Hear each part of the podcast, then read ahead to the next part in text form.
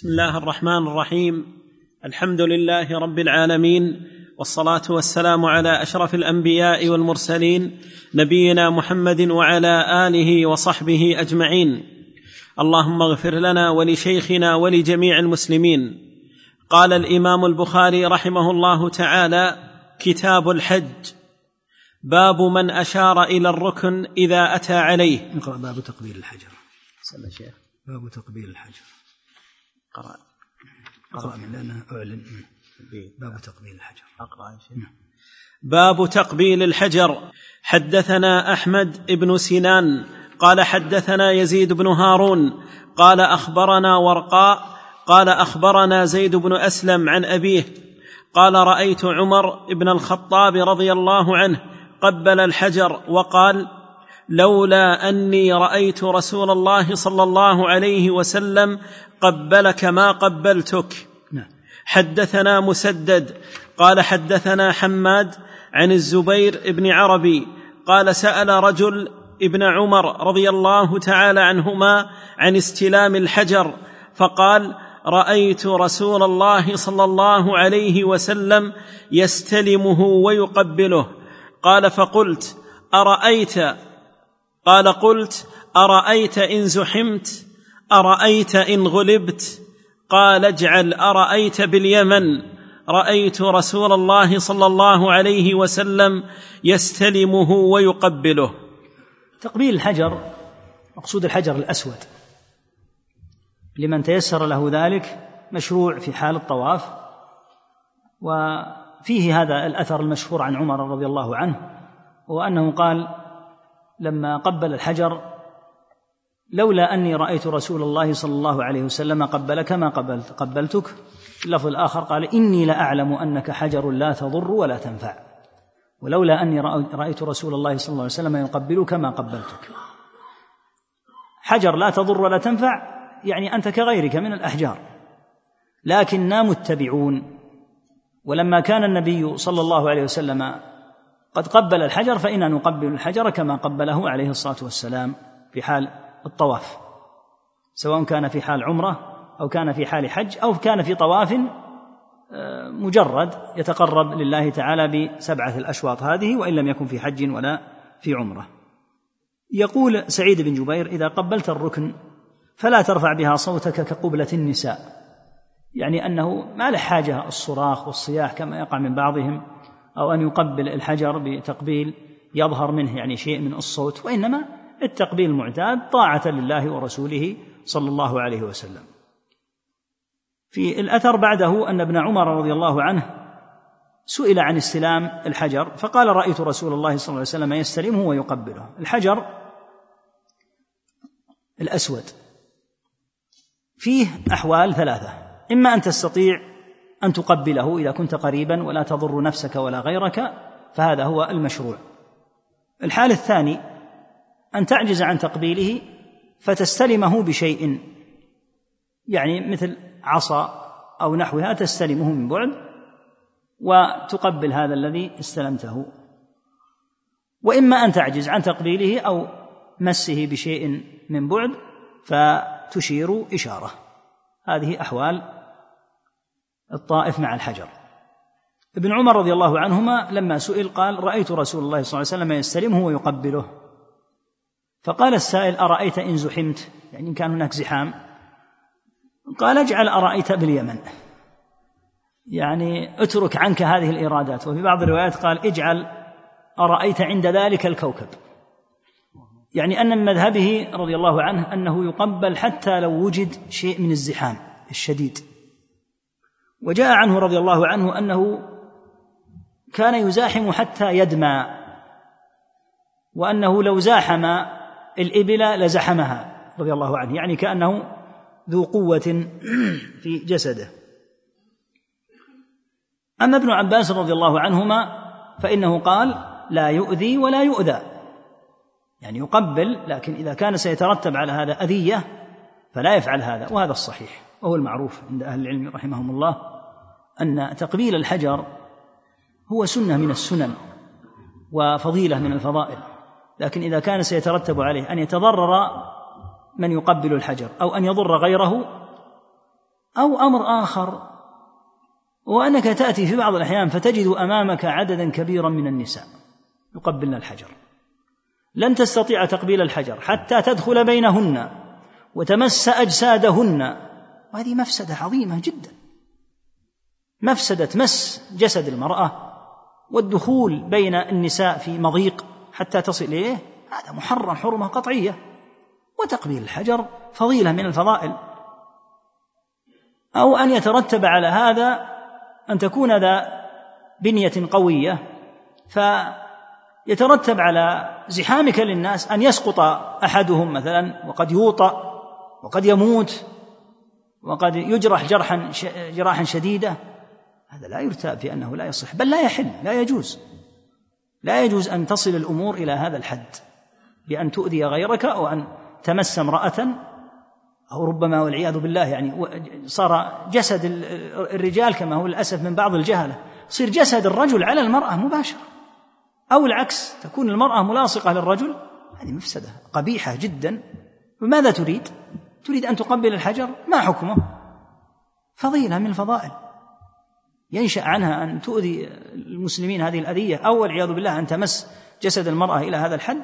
الحمد لله. أشر إليه إشارة أو استلمه من بعد إذا كان هذا بالإمكان. استلمه وقبل ما استلمته به مثل محجن أو العصا أو نحوه. وبعد ذلك يسر الله عز وجل لك لاحقا يعني في حال من عدم الزحام أو نحوه وإذا كنت حريصا إلى هذا الحد يعني على تطبيق هذه السنة فأتي في آخر الليل مثلا في أوقات يكون فيها قلة في العدد أو نحو ذلك أما أن يترتب عليه مثل هذه الأمور فلا يصلح. نعم. من كان يستطيع الكعبة لا لا كلها فضائل هذه. كل هذه فضائل. والكعبة لا تقبل يا أخي الكعبة لا تقبل. إنما يقبل الحجر ولهذا الركن اليماني لا يقبل. الركن اليماني يستلم استلاما عند أكثر أهل العلم فإنه يستلم.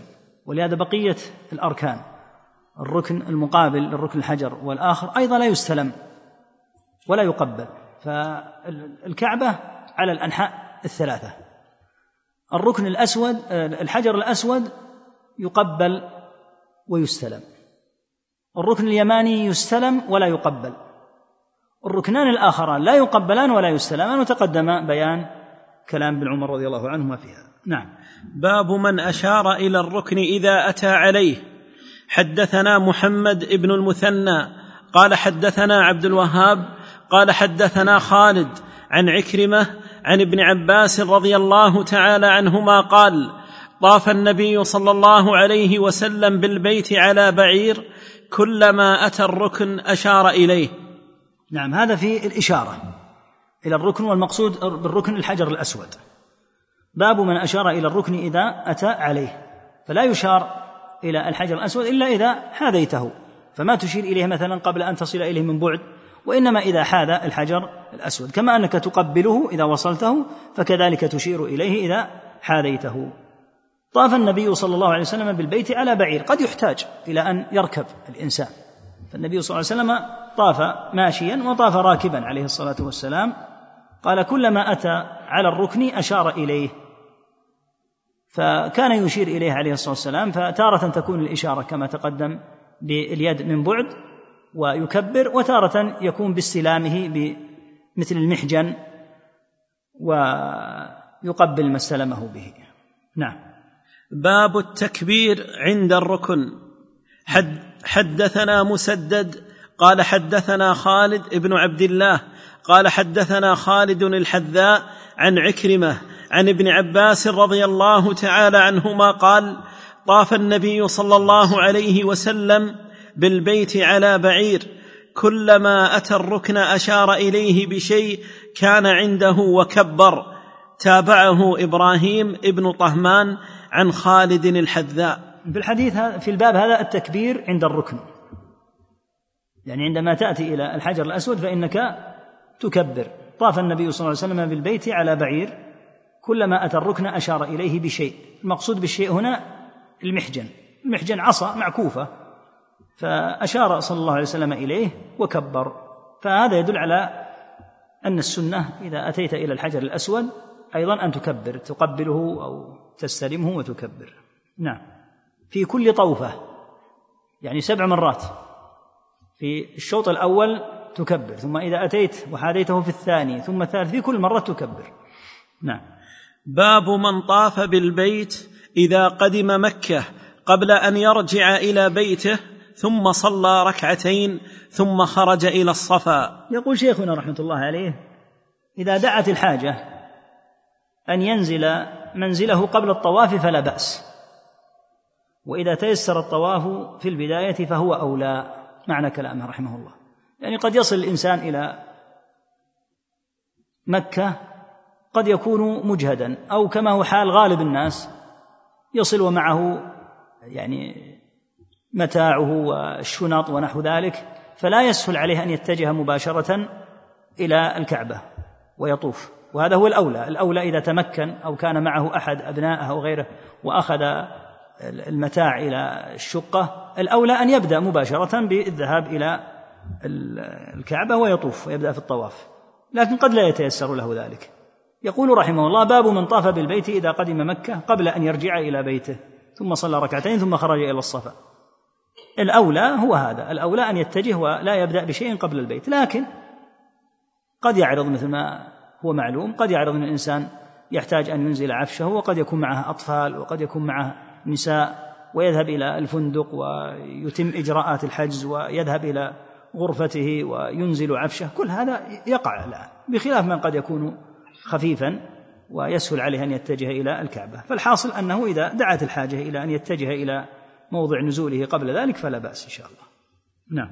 حدثنا أصبغ عن ابن وهب قال أخبرني عمرو عن محمد بن عبد الرحمن ذكرت لعروة قال فأخبرتني عائشة رضي الله تعالى عنها أن أول شيء بدأ به حين قدم النبي صلى الله عليه وسلم أنه توضأ ثم طاف ثم لم تكن عمره ثم حج أبو بكر وعمر رضي الله تعالى عنهما مثله ثم حججت مع, مع أبي الزبير رضي الله تعالى عنه فأول شيء بدأ به الطواف ثم رأيت المهاجرين والأنصار يفعلونه وقد أخبرتني أمي أنها أهلت هي وأختها وز هي, هي وأختها والزبير وفلان وفلان بعمرة فلما مسحوا الركن حلوا. حلوا. حلوا. نعم. هذا عن عروة وهو ابن الزبير بن العوام رضي الله عنهما وأمه أسماء بنت أبي بكر وخالته عائشة رضي الله عنها ويروي كثيرا عن عائشة أمه رضي الله آه، خالته رضي الله عنها هو والقاسم بن محمد بن أبي بكر لأنهما جميعا من قراباتها. يقول ذكرت لعروة. الحديث فيه, فيه يعني حذف السؤال. السؤال ورد في مسلم. أن رجلا من أهل العراق قال له سلي عروة ابن الزبير عن رجل يهل بالحج. فإذا طاف يحل أم لا؟ فإن قال لك لا يحل فقل إن رجلا يقول ذلك يعني يفتي به إلى آخره. فكان جواب عروة على هذا. قال أخبرتني عائشة رضي الله عنها أن أول شيء بدأ به حين قدم النبي صلى الله عليه وسلم أنه توضأ. وهذا فيه مشروعية الطواف آه، الوضوء للطواف. ومن أهل العلم من يقول إن الطواف لا يجوز إلا على وضوء. بحيث لو انتقض الوضوء فإنه يلزمه أن يقطع الطواف كما أنه لو انتقضت لو انتقض انتقضت طهارته أثناء الصلاة يلزمه أن يقطع الصلاة. ومن أهل العلم من قال إن الطواف على أن الوضوء على سبيل الاستحباب وأكثر أهل العلم على إيجاب الوضوء. لا شك أنه مشروع بهذا الحديث لكن هل هو على سبيل الوجوب أو على سبيل الاستحباب؟ على القولين اللذين سمعت. أن النبي صلى الله عليه وسلم حين قدم النبي صلى الله عليه وسلم أنه توضأ ثم طاف ثم لم تكن عمرة لأنه صلى الله عليه وسلم قد قلد هديه وأهدى فيبقى على إحرامه حتى يحل مرة واحدة إذا نحر الهدي في اليوم العاشر في الحج. ثم لم تكن عمرة ثم حج أبو بكر وعمر رضي الله عنهما مثله.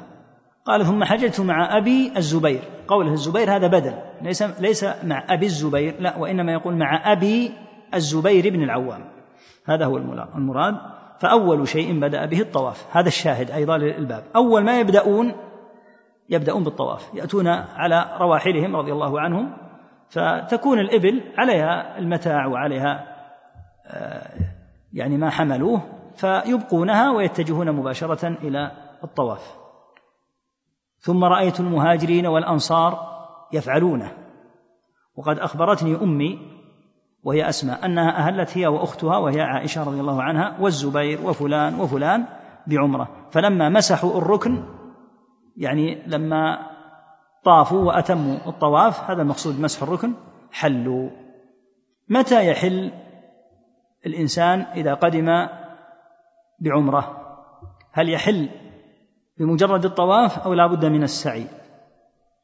الجمهور على أنه لا بد من السعي وأنه يكون قد بدأ بالطواف فيبقى السعي.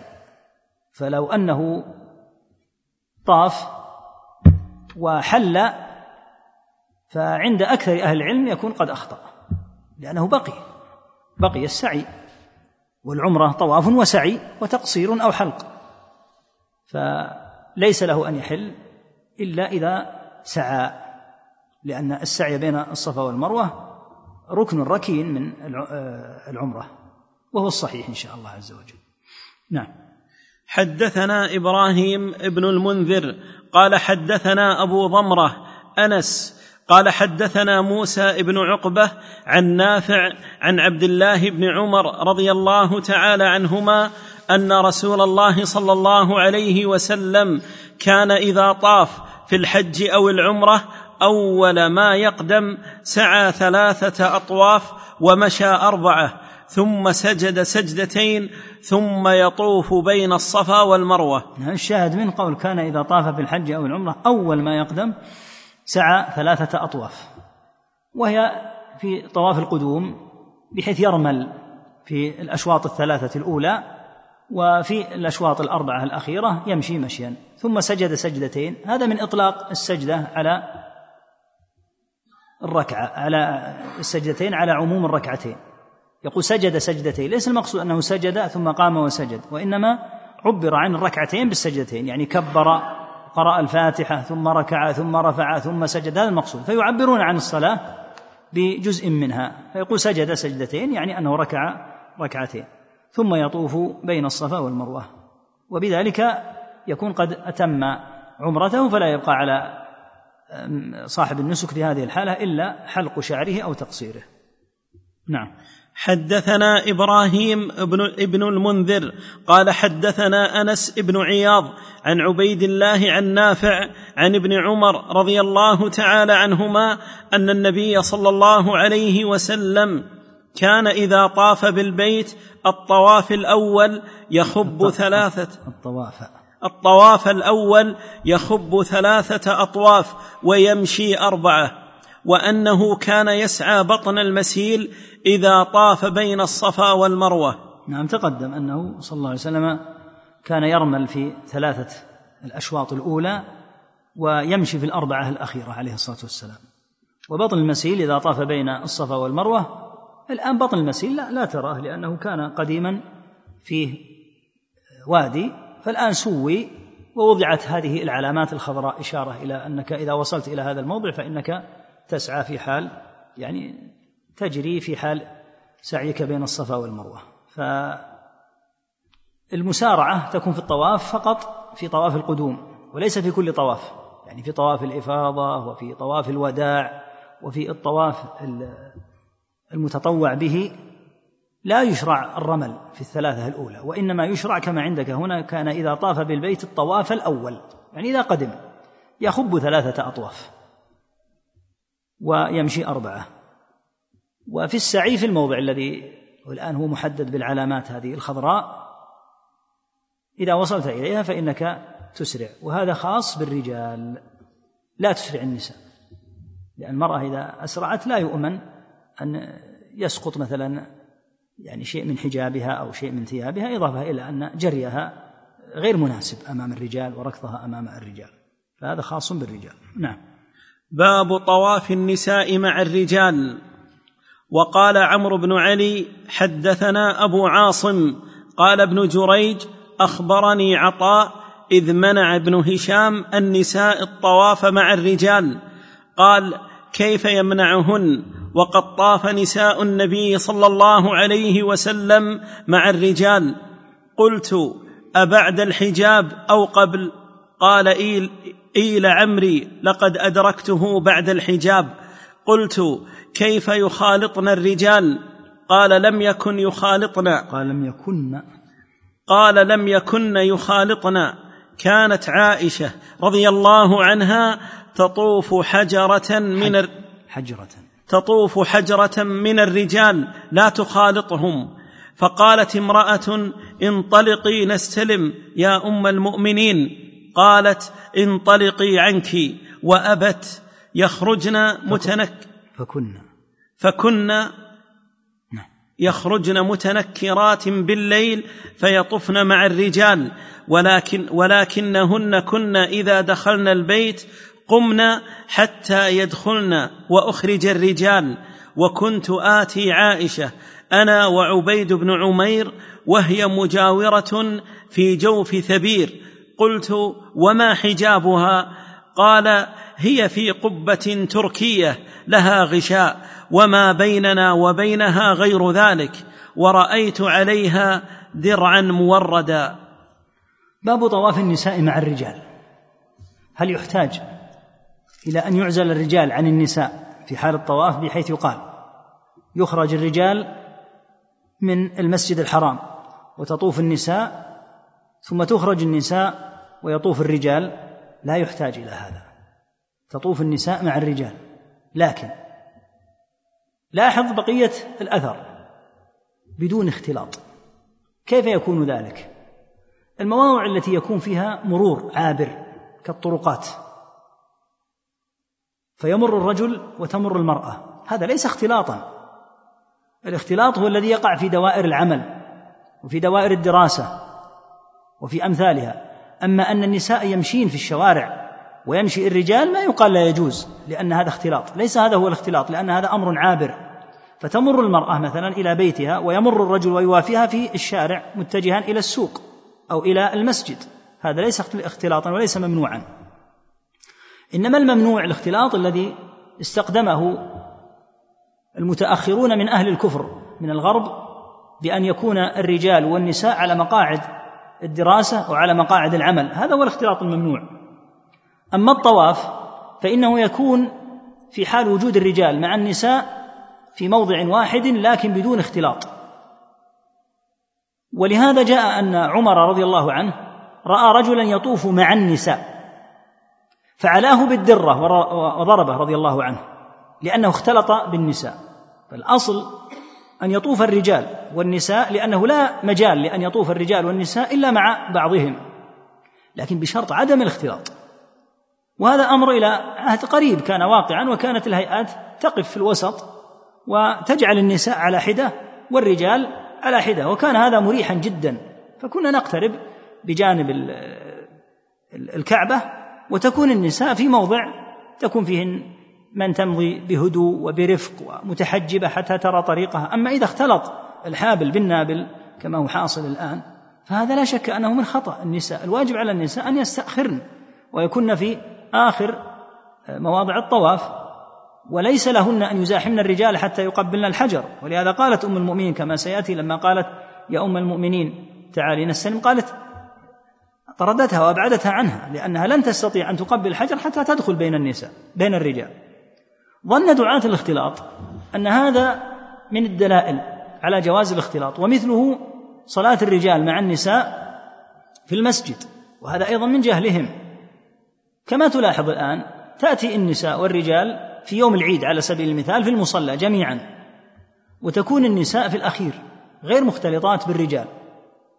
وكانت النساء زمن النبي صلى الله عليه وسلم إذا سلم بقي صلى الله عليه وسلم في موضعه. وبقي الرجال في أماكنهم وقامت النساء من فورهن إذا سلم وبقي الرجال حتى تدخل النساء بيوتهن. ثم يخرج الرجال. أين الاختلاط؟ ما هنالك اختلاط. لكن صاحب الهوى يبحث عن أي متعلق له بالدليل كما استدلوا ببعض النصوص التي كانت قبل الحجاب منها أن الرجال والنساء كانوا يتوضؤون جميعا. نقول صحيح لكن هذا قبل قبل الحجاب. والدليل على أنه قبل الحجاب ما هو؟ دليل واضح أن المرأة لا يحل أن تكشف شعرها حتى تمسحه ولا يحل أن تخرج ذراعيها حتى تغسلها ولا يحل أن تخرج قدميها حتى تغسلها فهذا أمر قبل الحجاب. فلما نزل الحجاب في العام الخامس منع كل هذا. فمن يستدل بمثل هذه النصوص التي فيها صريح الاختلاط بين الرجال والنساء فهو مثل من يستدل بالنصوص الدالة على شربهم الخمر قبل أن يحرم. الأمور المنسوخة لا يحتج بها. ولهذا سأل هنا سأل ابن جريج سأل عطاء قال قبل الحجاب قال إلى قال إن نعم لقد أدركته بعد الحجاب. فطواف الرجال والنساء معا لا إشكال فيه بشرط عدم الاختلاط لأنه لا يمكن أن تطوف الرجال والنساء إلا في هذا الموضع. ما ما الوضع الصحيح؟ الوضع الصحيح كما كانت تفعل أم المؤمنين عائشة رضي الله عنها. يقول ابن جريج أخبرني عطاء إذ منع ابن هشام وهذا كان والي مكة. منع النساء الطواف مع الرجال يعني كان يخرج الرجال ويجعل النساء يطوفن وحدهن. ثم إذا جاء طواف الرجال يطوف الرجال وحدهم هذا فيه مشقة. فيه مشقة ولا شك لأنها قد يحتاج الإنسان أن يطوف ويواعد مثلا أخته أو بنته بعد أن يفرغ من الطواف في موضع من المسجد الحرام وإذا فرغ من طوافه أخذها معه. لكن إذا صار النساء وحدهن والرجال وحدهم كما فعل ابن هشام فقد يكون فيه شيء من المشقة. ولكن الوضع الذي كان زمن النبي صلى الله عليه وسلم هو الصحيح. تطوف الرجال مع النساء بدون اختلاط كما كنا يصلين بدون اختلاط. فالفرق كبير بين أن يجعل الشباب والشابات في موضع واحد يدرسون أو آه، يكونون في دائرة عمل وبين أن يطوف الرجال مع النساء على الوضع الذي سيأتي في كلام عائشة رضي الله عنها أو أن تكون النساء في مؤخرة المسجد وتخرج النساء إذا سلم النبي صلى الله عليه وسلم حتى يدخلن بيوتهن ويبقى صلى الله عليه وسلم في موضعه ويبقى الرجال حتى إذا دخلت النساء البيوت خرج الرجال أين الاختلاط؟ ما هنالك اختلاط فرق بين أن يجمع هؤلاء الشباب والشابات في مواضع دراسة مواضع عمل وبين الأماكن العامة هذه وهكذا الطرقات. لا يقال للنساء لا يجوز أن تمشين في الطرقات. تذهب الواحدة منكن مثلا إلى بيت أهلها أو نحوه ثم يوافيها رجل وهو آتي من المسجد أو ذاهب إليه اختلطت بالرجال. ليس هذا اختلاطا هذا الأمر العارض لا يسمى اختلاطا. إنما الاختلاط الوضع الفوضوي المستقدم من الغرب الذي ينادي به هؤلاء المفسدون بأن يدخل شباب المسلمين على شاباتهم ورجالهم على نسائهم. هذا لم يكن معروفا عند المسلمين بلا شك. ولهذا في البخاري أن عمر رضي الله عنه لما طعن واجتمع عنده الرجال ابن عباس وعمرو بن ميمون وأمثالهم جاءت حفصة يقول عمرو بن ميمون فجاءت حفصة ومعها النساء فقام الرجال فدخلت النساء ثم مكثنا ساعة فاستأذنا فقامت النساء فدخل الرجال. هذا هو الوضع الصحيح لا يختلطوا في موضع واحد في موضع دراسة في موضع عمل أما أمر عارض كالطواف أو أمر عارض كالطرقات فلا علاقة لهذا بهذا. الحاصل أن صاحب الهوى يحب أن يتشبث بأي شيء وإلا فلا شك أن الاختلاط محرم وممنوع الذي يدعون إليه لا شك أنه محرم وأنه لا يجوز وأنه ممنوع لكن هم يريدون التشبث بأي شيء. وفي هذا الحديث رد بالغ وكبير جدا عليهم لمن تأمله. ولهذا ترجم البخاري باب طواف النساء مع الرجال. وش المقصود؟ بدون اختلاط. هذا المعنى. أما إذا اختلطت الرجال بالنساء فهذا من من الخطأ بلا شك. والواجب على النساء أن أن يتنحين وليس لهن أن يقتربن إلا إذا كان هناك فرصة ليس هناك رجال تريد أن تقبل الحجر أو نحوه. أما أن تقتحم على الرجال وتكون كما هو حاصل للأسف يعني. تجد المرأة مقابل ملاصق ظهرها لصدر الرجل هذا غلط لا شك أن هذا خطأ من الناس ليس بصواب. ولهذا قال ابن جريج حين منع عطاء حين منع ابن هشام النساء من الطواف مع الرجال استغرب عطاؤه مفتي أهل, أهل مكة فقال كيف يمنعهن وقد طاف نساء النبي صلى الله عليه وسلم مع الرجال؟ فسأله ابن جريج أبعد الحجاب أو قبل؟ قال إلى عمري. لقد أدركته بعد الحجاب عطاء لم يدرك. يعني زمن العام الخامس زمن النبي صلى الله عليه وسلم وإنما أدرك هذا الأمر بعد بعد الحجاب قطعا. قلت كيف يخالطن الرجال؟ قال لم يكن يخالطن. هذا الشاهد. لاحظ الترجمة. باب طواف النساء مع الرجال مع عدم المخالطة. هذا هذا المقصود. فيتحقق أن أن يكون الرجال والنساء في المسجد الحرام جميعا بدون اختلاط. قال لم يكن يخالطن. كانت عائشة رضي الله عنها تطوف حجرة. ما معنى حجرة؟ أي ناحية. تطوف ناحية تبعد رضي الله عنها. في بعض الروايات ضبطت تطوف حجزة بالزاي. أي محجوزا بينها وبين الناس بثوب رضي الله عنها بأن يكون هناك حاجز بينها وبين الرجال. تطوف حجرة من الرجال لا تخالطهم. فقالت امرأة يعني مع عائشة رضي الله عنها انطلقي نستلم يا أم المؤمنين يعني نستلم الحجر. قالت انطلقي عنك. أبت عائشة رضي الله عنها أن تستلم الحجر. لماذا؟ لأنه كان هناك رجال. ولا تستطيع أن تستلم الحجر حتى تدخل بين الرجال. فأبت رضي الله عنها. ولهذا جاء عنها رضي الله عنها أن جارية لها أتتها وقالت يا أم المؤمنين استلمت آه، قبلت الحجر مرتين واستلمت الركن كذا وكذا. قالت لا آجرك الله لا آجرك الله. تزاحمين الرجال. هذا هو الشاهد على أنهن يطوفن دون أن يختلطن بالرجال. فالحاصل أنه أنها قالت رضي الله عنها انطلقي عنك وأبت يعني أبت أن تستلم الحجر فكن يخرجن متنكرات. أي كما في الرواية الأخرى متسترات بالليل فيطوفن مع الرجال. لماذا؟ لأن الطواف بالليل فيه مزية. وهو أنه يصعب أن ترى النساء ليس الوضع مثل الوضع الآن فيه مصابيح وفيه أنوار. فكان هذا مما يساعدهن رضي الله عنهن على الطواف يتسترن ومع ذلك يخرجن بالليل. وكنا إذا دخلنا البيت قمنا حتى يدخلن وأخرج الرجال. قال وكنت آتي عائشة رضي الله عنها أنا وعبيد ابن عمير وهي مجاورة في جوف ثبير ثبير جبل في مكة وذكر الحافظ أنه يطلق على أكثر من جبل أيضا. اسم ثبير. قلت وما حجابها؟ يعني كيف كانت متحجبة؟ قال هي في قبة تركية مثابة الخيمة الصغيرة لها غشاء وما بيننا وبينها غير ذلك ورأيت عليها درعا موردا. كيف رأى ثوبها؟ لأنه كان صبيا كما في الرواية الأخرى. الصبي يجوز أن يرى المرأة. نعم. أحسن الله إليك.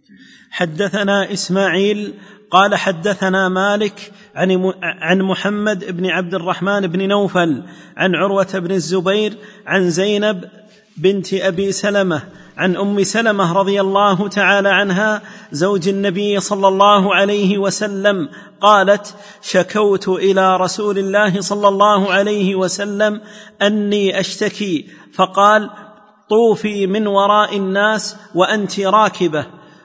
فطفت ورسول الله صلى الله عليه وسلم حينئذ يصلي إلى جنب البيت وهو يقرأ والطور وكتاب مسطور. أتبع البخاري رحمه الله تعالى الخبر السابق بخبر أم سلمة رضي الله عنها وفيه نص النبي صلى الله عليه وسلم على أن تطوف من وراء الناس. وهذا وش يترتب عليه؟ يترتب عليه أيضا عدم الاختلاط. فشكت أم سلمة رضي الله عنها وأخبرت النبي صلى الله عليه وسلم أنها تشتكي فقال طوفي وراء من وراء الناس وأنت راكبة. قوله من وراء الناس كما قلنا يدل على أن المرأة لا تختلط لأنها إذا كانت في وسطهم فليست من ورائهم. ثم إنه صلى الله عليه وسلم أرشدها إلى أن تطوف والناس يصلون. ما المزية؟ المزية أنه لا يوجد أحد يطوف. فتطوف من ورائهم وتتم الطواف في فترة آه، الصلاة وكان صلى الله عليه وسلم يصلي صلاة عظيمة فيها ليست كصلاة السريعين الآن النقارين فكان يصلي صلى الله عليه وسلم بالطور وكتاب مسطور وربما صلى معها أيضا بسورة وربما قرن عليه الصلاة والسلام بين أكثر من سورة. فتتمكن من الطواف بلا شك. وفيه دلالة على أنه يجوز الركوب إذا احتيج إليه. والآن الركوب قد يكون عسرا لكن يجوز الحمل بأن يحمل على يعني كتف الشخص كما يعني كان يفعل البررة من الآباء الأبناء قد يحمل والده أو والدته ويطوف به وهو حامل له. وقد يحمل على يعني آلة على خشب أو نحو ذلك أو فيجوز أن يطوف. قال طوفي من وراء الناس وأنت راكبة فطفت ورسول الله صلى الله عليه وسلم حينئذ يصلي. وهذا فيه فائدة أنها تتم طوافها قبل أن ينصرف الناس إلى جنب البيت وهو يقرأ والطور وكتاب مسطور يكفي هذا إن شاء الله اليوم. فيما يتعلق بكتاب ابن بطة رحمه الله تعالى هو غير موجود في المكتبات هذا اللي حصل. وإن شاء الله عز وجل نوفره بإذن الله تعالى الأسبوع القادم نصور نسخة إن شاء الله تعالى من النسخ التي فيها يعني مكان للتعليق وآتي بها إن شاء الله الأسبوع القادم للطلاب إن شاء الله عز وجل بحول الله. وإن تيسر لنا نسخ إن تيسرت لنا نسخ لأن الذي يظهر أنه فيما يبدو في الرياض أنه غير موجودة النسخ. فإن تيسرت نسخ وأمكن أن يرسل إلى يعني إلى الرياض إن شاء الله نسخ منها إن شاء الله نوفرها لكم بعون الله تعالى. نعم.